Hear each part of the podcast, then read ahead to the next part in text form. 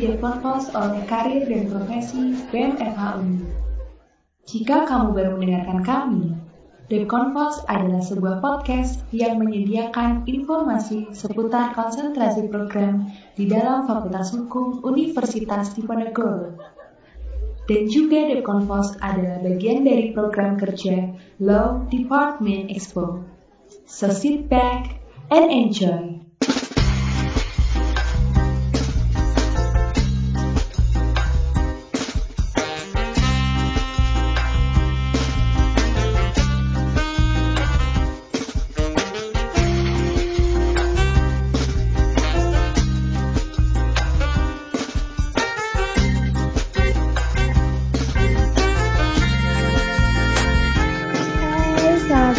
Siang, sore, malam, kapan pun dan di mana pun kalian berada.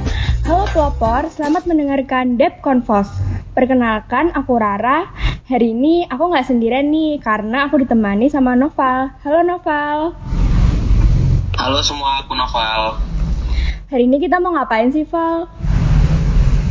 Hmm, hari ini kita bakalan mengupas tuntas jurusan yang keren banget nih, Ra. Langsung sama orang yang paham banget nih mengenai jurusan hukum agraria, adat, dan Islam. Wih, keren banget ya. Siapa tuh? Kenalin nih, hari ini kita bersama Kak Praditya Amalia Sofa, biasa dipanggil Kak Tia, selaku Ketua Himpunan Garis. Halo, selamat Halo sore, Kak. Halo, Kak. Halo, sore, Kak. Sore. Apa kabar, Kak? Uh, puji syukur, alhamdulillah baik. Alhamdulillah. Oke, mumpung udah ada Kak Tia, langsung aja kali ya kita kepo-kepo tentang jurusan peminatan hukum agraria, adat, dan Islam. Nah, karena pendengar podcast ini dari mana-mana dan mungkin masih awam dan belum paham, mungkin bisa dijelasin dulu nih Kak, uh, penjelasan dari hukum agraria, hukum adat, dan hukum Islam itu seperti apa? Oke, apa sih itu hukum agraria, hukum adat, dan hukum Islam? Sebenarnya pengertian ini ada lingkup secara sempit dan luasnya. Menurut kakak pribadi, hukum agraria adalah seperangkat aturan yang mengatur mengenai barakat. Apa itu barakat? Nah, tentunya sesuai pasal 33 ayat 3 UUD NRI 1945 akan tetapi hukum agraria di sini lebih konsen ke satu aspek yaitu tanahnya saja. Dikarenakan cakupannya terlalu luas, misalkan dalam ranah hukum pertanahan, hak penguasaan tanah, urusan kepemilikan tanah, dan hal menarik lainnya. Selanjutnya, hukum adat adalah hukum tidak tertulis secara umumnya, akan tetapi tidak menutup kemungkinan hukum adat secara tertulis, di mana peraturan-peraturan yang hidup dalam masyarakat hukum adat wajib ditaati dan dijadikan pandangan hidup berdasarkan keyakinan serta mempunyai kekuatan hukum bagi masyarakat hukum ada setempat biasanya bersifat turun temurun Kemudian, hukum Islam dapat didefinisikan sebagai aturan, patokan, kaidah, undang-undang yang berasal dari Islam untuk kehidupan manusia secara menyeluruh, di mana hukum Islam merupakan mata kuliah sistem fakultas hukum di Indonesia sebagai penyimbang hukum Indonesia. Begitu deh ke. Wah, jelas banget nih Kak penjelasan dari Kak Iya. Nah, kalau di konsentrasi agraria ada dan Islamika, itu kan mata kuliah yang dipelajari apa aja sih Kak? Apa ada mata kuliah yang pilihan di samping mata kuliah yang wajib Kak? Baik, untuk mata kuliah wajib dan mata kuliah pilihan nih, kalau hukum agraria ada dan Islam sendiri itu kan ada naungannya di perdata nih maksudnya ya. Berarti wajib perdatanya sendiri itu ada wajib perancangan kontrak kalau untuk wajib hukum agrarianya, yang pertama ada kapital selekta hukum agraria, yang kedua ada teori dan praktek hak tanggungan, yang ketiga ada hukum pendaftaran tanah. Untuk hukum adatnya, yang pertama itu ada kapital selekta hukum adat, yang kedua ada penyelesaian sengketa berbasis hukum adat, yang ketiga ada antropologi hukum. Untuk hukum Islamnya, yang pertama ada kapital selekta hukum Islam, yang kedua ada hukum ekonomi syariah, yang ketiga ada hukum zakat dan wakaf pilihan bagian hukum perdata konsentrasi hukum agraria ada dan Islam ini bisa memilih di antara enam mata kuliah nih, tapi disuruh milihnya dua mata kuliah, tapi bebas milih yang mana aja.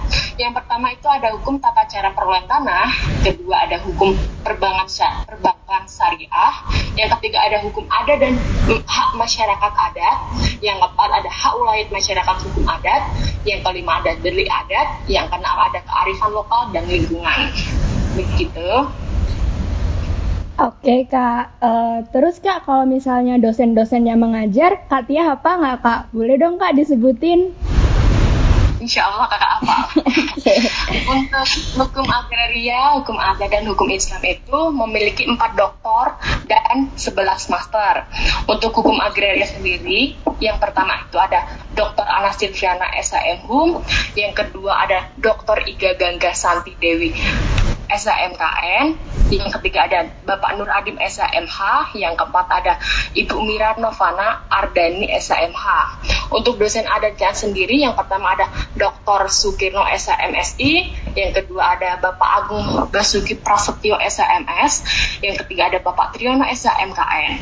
Untuk dosen Islamnya sendiri, ada yang pertama itu Dr. DRS Agus Sarono MH, kedua Dr. Muhyiddin SAMH atau biasanya ini kita akrabnya Bapak Muhyiddin tua.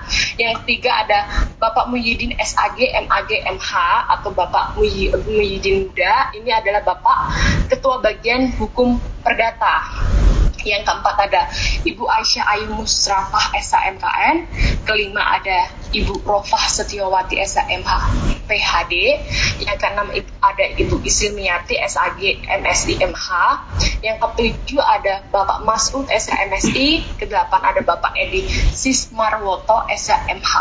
Begitu. Oke, wah lengkap banget ya kak sampai gelarnya disebutin oleh kakak. Nah, pertanyaan selanjutnya nih kak, yang mungkin ke personal kakak banget kak. Uh, apa sih kak yang sebenarnya mendorong kak kak untuk memilih hukum agraria ada dan Islam? Kalau berbicara mengenai prospek karir ke depannya, semestinya bisa di mana saja. Dikarenakan kita aktor ini bergelar esa, sarjana hukum tentunya.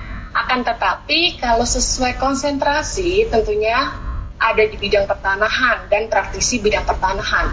Misalkan hal konkretnya nih, ada di notaris kalau emang harus lanjut S2, pejabat PPAT, legal officer, dosen, lawyer, atau bekerja di BPN bisa, perbankan, pengadilan agama, lazis, KUA, dan lain-lain luas itu dia. Oke kak, uh, terus nih kak setelah kak Tia memilih konsentrasi hukum agraria adat dan Islam, pasti kan ada suka duka yang dirasakan. Mungkin boleh kak sharing-sharing diceritakan, misalnya dari segi tugasnya atau dosen-dosennya gitu kak. Oke kalau mengenai memilih konsentrasi jurusan mungkin tadi kakak salah fokus uh, kakak kirain itu nanti prospek ke depannya kalau untuk kenapa sih kakak memilih gitu kan? Iya. Yeah. karena konsentrasi kakak adalah hukum agraria nih. Sorry salah fokus ya adikku. Enggak apa di mana menurut kakak hukum agraria sendiri di Indonesia ini khususnya hak atas tanah nih yang spekulatif tidak bisa dipungkiri. Tanah yang semakin zaman semakin ekonomis ini menghantarkan pergejolakan hangat di tengah masyarakat baik di kalangan bawah, tengah, dan atas. Jadi menurut kakak semakin ke sini itu semakin uh, konkret gitu loh hukum agraria bergejolak di tengah masyarakat. Jadi itu semakin pergejangan yang sangat signifikan gitu loh. So untuk kalian yang ingin memilih jurusan ini jangan ragu untuk memilih konsentrasi hukum agraria ada dari. Tentunya akan dalam satu naungan jadi itu agraris. Untuk suka dukanya, kakak nih, kalau berbicara mengenai suka duka, seharusnya suatu keputusan apa pun yang telah kita jalanin dengan semangat pantang menyerah dan ikhlas, menurut kakak semestinya tidak ada dukanya dan harus banyak sukanya. Mengenai suka dalam konsentrasi ini ialah lebih membuka cara pandang kita dan berpikir akan hukum yang terjadi di Indonesia. Baik kita tarik belakang di masa lalu yang begitu perih dan masa sekarang yang harus kita perjuangkan. Khususnya hukum agraria Indonesia itu yang membuat kakak memilih konsentrasi ini gitu. Oke kak. Oke. Oke. Nah kak, uh, selanjutnya mengenai ini kak ada pertanyaan lagi nih Uh, mungkin pertanyaan ini banyak juga ditanyakan oleh teman-teman Fakultas Hukum. Nah, apakah saat ini dalam konsentrasi peminatan hukum agraria ada dan Islam itu ada KKL, Kak? Oh, Oke, okay. untuk KKL sendiri seharusnya ada kuliah kerja lapangan tersebut ya untuk himagraris dikarenakan masa seperti ini semua kegiatan yang terjun langsung ke lapangan dibatasin Toh kalau dilakukan awal tahun juga keadaannya memungkinkan eksistensi dari KKL, menurut kakak sudah tidak ada menurut kakak pribadi nih. Jika lo diadakan satu acara yang berdimensi dengan KKL mungkin lebih tepatnya sebagai bentuk study tour ataupun study banding. Untuk sekarang ini keputusannya mungkin masih depending deh untuk tidak melakukan KKL cuman lihat nanti ke depannya dah mau nanya mau nanya lagi nih kak mengenai KKL kak. Karena kebetulan kan kondisi pandemi ya kak jadi berhalangan untuk KKL nah untuk mengakomodir mungkin uh, hal-hal yang akan kita dapat dari KKL tuh gimana sih kak dari kakak dan teman-teman himpunan sendiri kak? Mengakomodir uh, bisa dapat substansinya gitu ya. Kita betul kak betul. Hmm, kita lebih sering mengadakan diskusi. Uh, kemarin udah diskusi batch one dulu, terus nanti awal November ada diskusi Magradis batch itu itu yang lingkupnya internal dan untuk substansi yang lingkup lingkupnya lebih luas ataupun lebih eksternal itu kita kemarin sudah mengadakan kuliah umum begitu deh tuh. Oke kak, uh, selanjutnya uh, kita memasuki sesi pertanyaan khusus ya kak. Sebelumnya kami sudah membagikan link G-Form supaya teman-teman Eva itu dapat bertanya langsung dan kami sudah mengumpulkan pertanyaan-pertanyaan yang terkumpul. Pertanyaan yang pertama itu ada dari Melinda Dwi Haryati angkatan 2018. Kalau mengambil konsentrasi hukum agraria adat Islam buat tempat magang cocoknya di mana ya kak? Oke. Okay. Uh, ini harus dibedakan pengertiannya dulu nih. Ini magang yang pengen satu dimensi dengan apa penjurusan kalian atau pengen menambah soft skill. Jika emang satu konsentrasi bisa di BPN, bisa di law firm, bisa di PPAT atau notaris, banyak lingkupnya gitu loh dan tidak menutup kemungkinan semua instansi itu ada ranahnya mengenai pertanahan dan case kasusnya termasuk di pengadilan negeri ataupun tempat uh, instansi lainnya begitu. Oke, nah Kak, selanjutnya ada pertanyaan nih Kak dari Khalifatul Muna angkatan 2019. Apa yang bisa dilihat dari hukum agraria adat dan hukum apa yang bisa dilihat dari hukum agraria adat dan Islam pada saat ini? Apakah sebagai sebuah warisan gitu Kak? Kalau dibilang apa sih yang bisa kita lihat dari hukum agraria adat dan Islam yang bisa dilihat secara konkret dan nyatanya itu ya pelaksanaan yang terjadi saat sekarang ini baik dalam peraturannya, pelaksanaannya, atas dasar hukumnya begitu.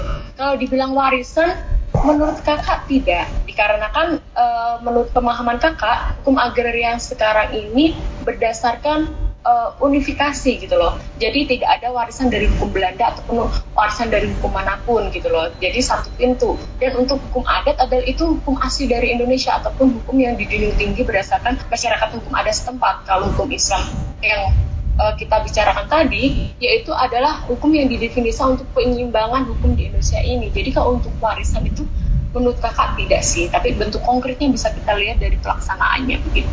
Oke kak, aku mau nanya lagi nih kak boleh. Uh, dari hukum agraria adat dan Islam itu kan kalau dari apa ya setelah kakak belajar sendiri itu tiga itu kenapa digabung sih kak? Kenapa nggak dipisah aja gitu ya? Oke, okay, kalau menurut kakak kenapa sih digabung?